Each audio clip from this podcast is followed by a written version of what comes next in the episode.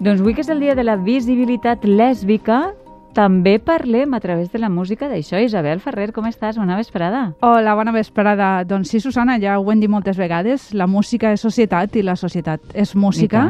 Aleshores, avui farem menció a dones que han estimat dones i que es relacionen amb el món de la música.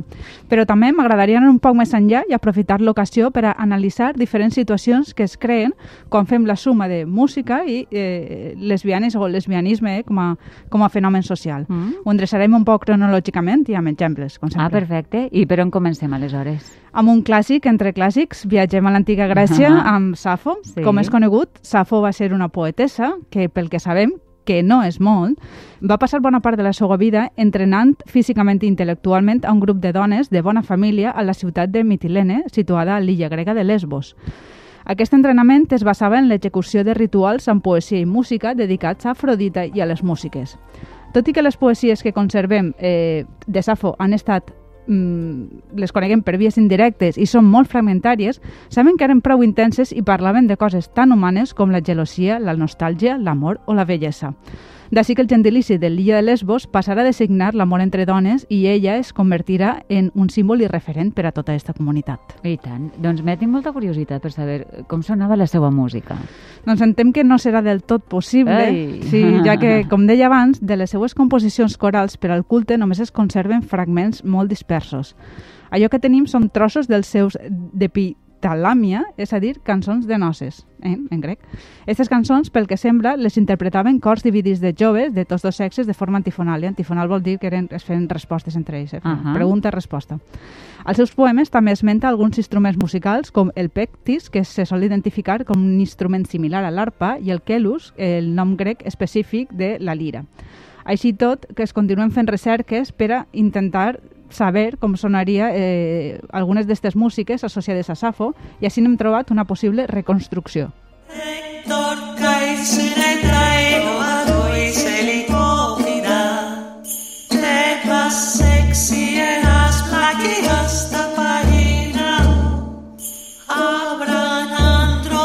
La veritat és que no, no ho sé, no sé dir-te si m'imaginava així la, la sonoritat dels poemes de Safo, no? És difícil, no? En tenim clar. molt poques restes i tot intentem saber i muntar coses a veure Sí. com sonava, però aquesta és una, una iniciativa i està ahí, a, Sí. a la nostra disposició. sí.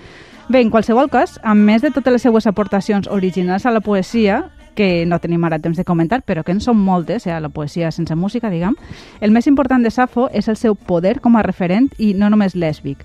És a partir del segle XIX, o sigui, molt més tard de quan va viure ella, quan mm. es comença a revalorar la seva figura, primer com a escriptora i dona poderosa, perquè va servir d'inspiració a altres, altres dones, i no només altres dones que escrivien o estaven relacionades amb el món de l'art, sinó a les obres d'art mateix. De fet, sobre elles van escriure diferents òperes. Una de les més exitoses en el seu moment va ser una que s'anomenava Safo, escrita el 1840 pel compositor, pel compositor italià Giovanni Pacini, que es considera la primera d'este seguit d'òperes eh, amb ella com a protagonisme. Escolteu, si voleu, una àrea que es diu Di quai suavi lagrime.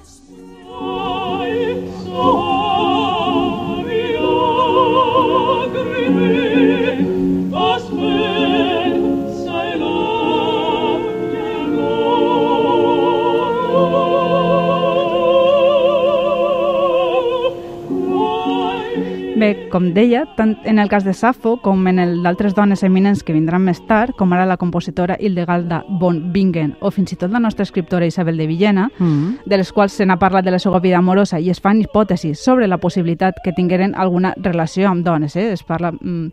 Estes suposicions es creen i s'alimenten un poc a partir de la idea que, que havien estat dones poderoses, amb vides al marge del matrimoni i en ambients molt feminitzats, és a dir, vides al marge de, del que avui en dia pensem que és eh, normatiu, que és la vida en parella, home i dona, amb el model no, d'este home que treballa fora de casa i dona que, que està a casa.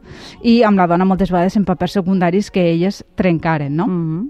Però en realitat, aquestes idees sobre la vida del passat són una projecció de la nostra normalitat cap al passat que no té per què correspondre's amb, amb eixe passat, no?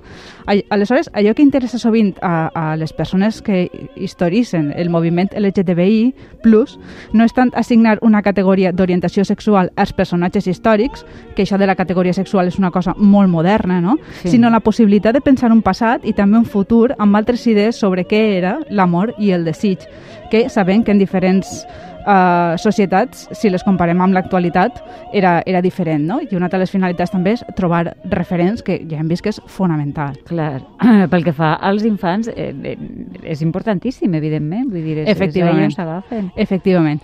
Per això actualment es posa molt d'èmfasi en l'aparició de personatges no blancs i no heterosexuals, no? que diguem que fins ara ha sigut la La norma, base, per dir-ho sí. així, en sèries de televisió, per exemple, que és una cosa molt consumida, eh, i estos personatges que apareguen però no només fent de personatges secundaris o estereotipats, no? un poc per cobrir l'expedient, fent un poc no? de, de moltes vegades vegem no? que les, eh, les estes, estos col·lectius tan estigmatitzats acaben fent d'ells mateixa, no? del Ja. col·lectiu, només fent este paper, sinó també com a protagonistes o fent altres coses més enllà del que és, en este cas seria la seva orientació sexual. Clar. Eh, podem explicar un d'estos casos històrics que esmentaves de realitats diferents? És clar. Mireu, per exemple, cal dir que durant l'època moderna, eh, és a dir, del segle XVI al, al Sí. XVIII-XIX, en tota Europa va ser habitual al teatre que dones interpretaren papers d'homes i viceversa, eh? Vull dir, moltes vegades sobre l'escenari només hi havia homes o només hi havia dones interpretant tots els dos papers. Per tant, encara que fora de forma travestida, la gent estava molt avessada a veure a l'escenari mm, este tipus d'intercanvis, diguem. Uh -huh. Um, això d'una banda. Altres exemples venen derivats, curiosament, de la prohibició que l'Església va realitzar sobre el cant de les dones a dins no, dels, dels temples. Això va generar que es popularitzaren els castrats. Ah, els castrati. Eh, sí, que, que mm, eh, sí, per a les persones que no ho recorden són eh, xiquets que els havien eh, extirpat part de l'aparell reproductor per a que no, els- entre altres, en aquest cas, per a que no els canviara la veu, no? Mm. Al principi això només passava dins de les esglésies, però a poc a poc els castrats saltaren a, a la música de moda profana, és a dir, fora de l'església, que en aquest cas era l'òpera, la, moda que esta, la, la música que estava de moda en aquell temps. Per tant, molts dels papers de protagonista masculí de les òperes, com els cantaven castrats, eren veus agudes, cosa que per a nosaltres és estrany, no? Normalment Clar. la veu d'home és una veu greu, greu. en l'actualitat. De fet, en l'actualitat, com que afortunadament no tenim castrat, això es tradueix en que estos papers sovint els interpreten dones. De manera que quan ho veiem a sobre l'escenari o en gravacions, es crea un imaginari de normalitat, no? per tindre referents que esdevé positiu i que no trobem en uns altres espectacles. I si voleu, escoltem un, un exemple. Esta és l'àrea de l'òpera Juli César de Händel, interpretada per una mezzosoprano, per una dona, en el paper de Juli César. nascosto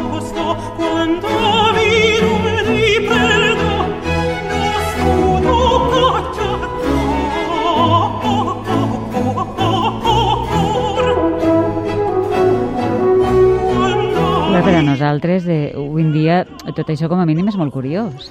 Sí, perquè nosaltres heretem una visió de l'homosexualitat o del transvestisme que a partir del segle XIX es comença a considerar com una malaltia que cal curar. En el cas de les lesbianes, això acaba generant que les relacions entre dones i el seu reflex en les històries de ficció, com és l'òpera o les novel·les Sí. o altres, um, es condemne. I això com es fa? Doncs creant històries on elles sempre acaben malament, Ja. amb morts o finals infeliços. És el cas d'una de les poquíssimes òperes on trobem, on trobem un personatge de lesbiana, que és Lulu, d'Alban Berg. La protagonista de la història és Lulu, una jove que ha d'exercir la prostitució. Una comtessa lesbiana s'enamora d'ella i tracta de protegir-la, però, desafortunadament, la història té un final molt, molt trist. Escoltem si voleu un fragment. Lass mich nur einmal zum letzten Mal zu deinem Herzen sprechen. Erbarm dich mein Sona efectivament a, a final, no sé si dramàtic, trist, sí. S'ha posat eh, remei o s'ha intentat, si més no, posar remei a aquesta situació? Sí, des del col·lectiu es reivindica tot això sempre, però clar, costa molt de canviar imaginaris que fa molt de temps que estan instaurats en, en la societat, no? Això és el que vol explicar eh, eh, l'òpera Patti en Sansara, considerada una de les primeres òperes lesbianes de la història, escrita per la compositora Paula Kimper i la llibretista Wendy Parsons l'any 1981. Segons esta llibretista, ella va escriure la història en conèixer a una cantant lesbiana d'òpera que lamentava que mai s'acabava de sentir del tot identificada amb els personatges que cantava perquè tot eren dones heterosexuals. Clar. No? Aleshores, esta llibretista va decidir escriure una història, a més, amb final feliç, um, i així com va intentar que les representacions, que l'òpera, diguem, la Constitució, fora eh, molt econòmica per a poder ser viable interpretar-la moltes vegades i un poc ampliar este missatge de, de final feliç.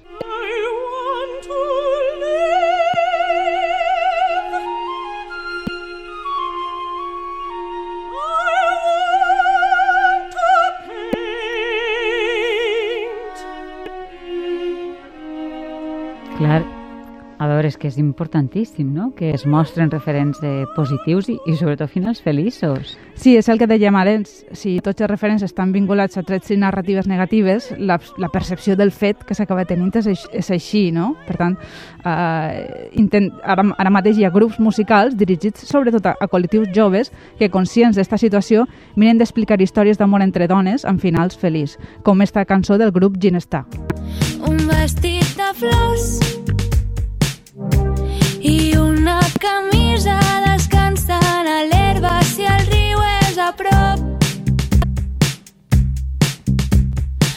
Les hores noves Clar, Isabel, fins ara hem parlat de personatges de ficció, però si introduïm professionals del món musical, eh, què ens trobarem?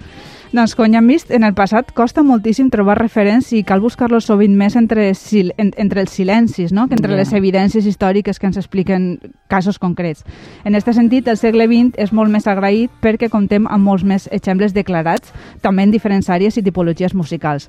Si pensem, per exemple, en compositores, un dels casos més coneguts és la compositora anglesa Ethel Smith, qui es considera que va mantenir diverses relacions amb dones al llarg de la seva vida, com va escriure ella mateixa en les seues memòries. Durant uns anys també va ser una fervent sufragista, escrivint esta marxa de dones de 1911, una peça que més tard es va convertir en el crit de guerra del moviment femení britànic.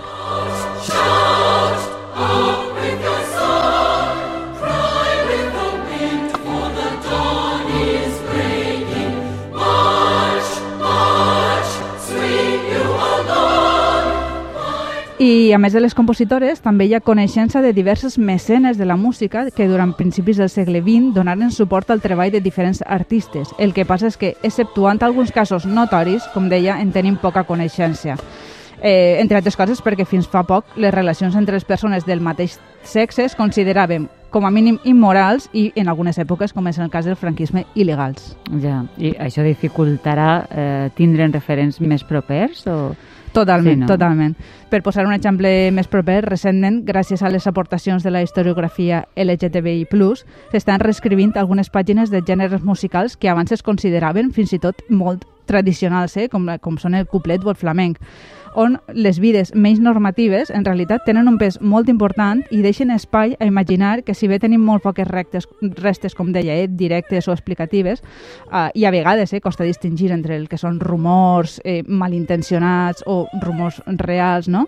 Eh, sí que en aquestes vides eh, hi havia una, sabem que hi havia una vida lesbiana i, i moltes transgressions més abundants del que en deixes veure les fonts. I també, afortunadament, en l'actualitat podem trobar presència d'artistes lesbianes en qualsevol gènere musical, fins i tot en algun de controvertit com el reggaeton. Eh? Ja. Així que si voleu col·laborar en, en, en fer una societat més inclusiva, vos convidem a conèixer millor este món i incorporar- i incorporar-lo al nostre imaginari musical del, del passat, del present i, i del futur. I tant, sobretot del futur, del present, sobretot el present, perquè si ho fem en el present és que tenim garantit el futur. Bueno, no, no, que no està res garantit, saps? Que les coses s'aconseguissin, tarden molt en aconseguir-se Sí. i molt poquet en perdre, Sí. és veritat, i sobretot els drets.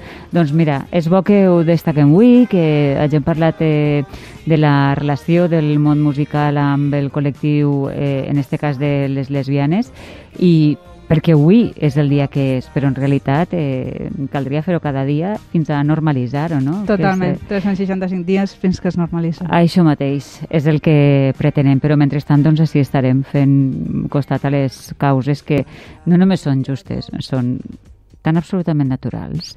En fi, com sempre, apassionant el tema. Isabel, moltíssimes gràcies. T'esperem la setmana que ve. Gràcies.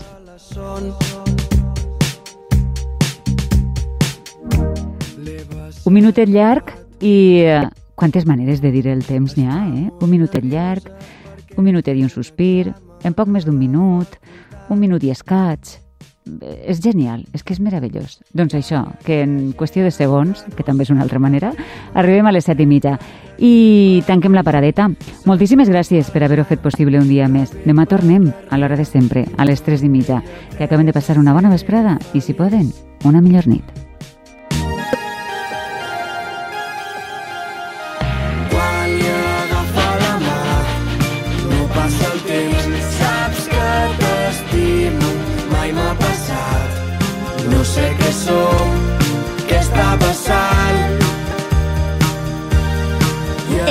Escoltes Pròxima Parada amb Susana Lliberós.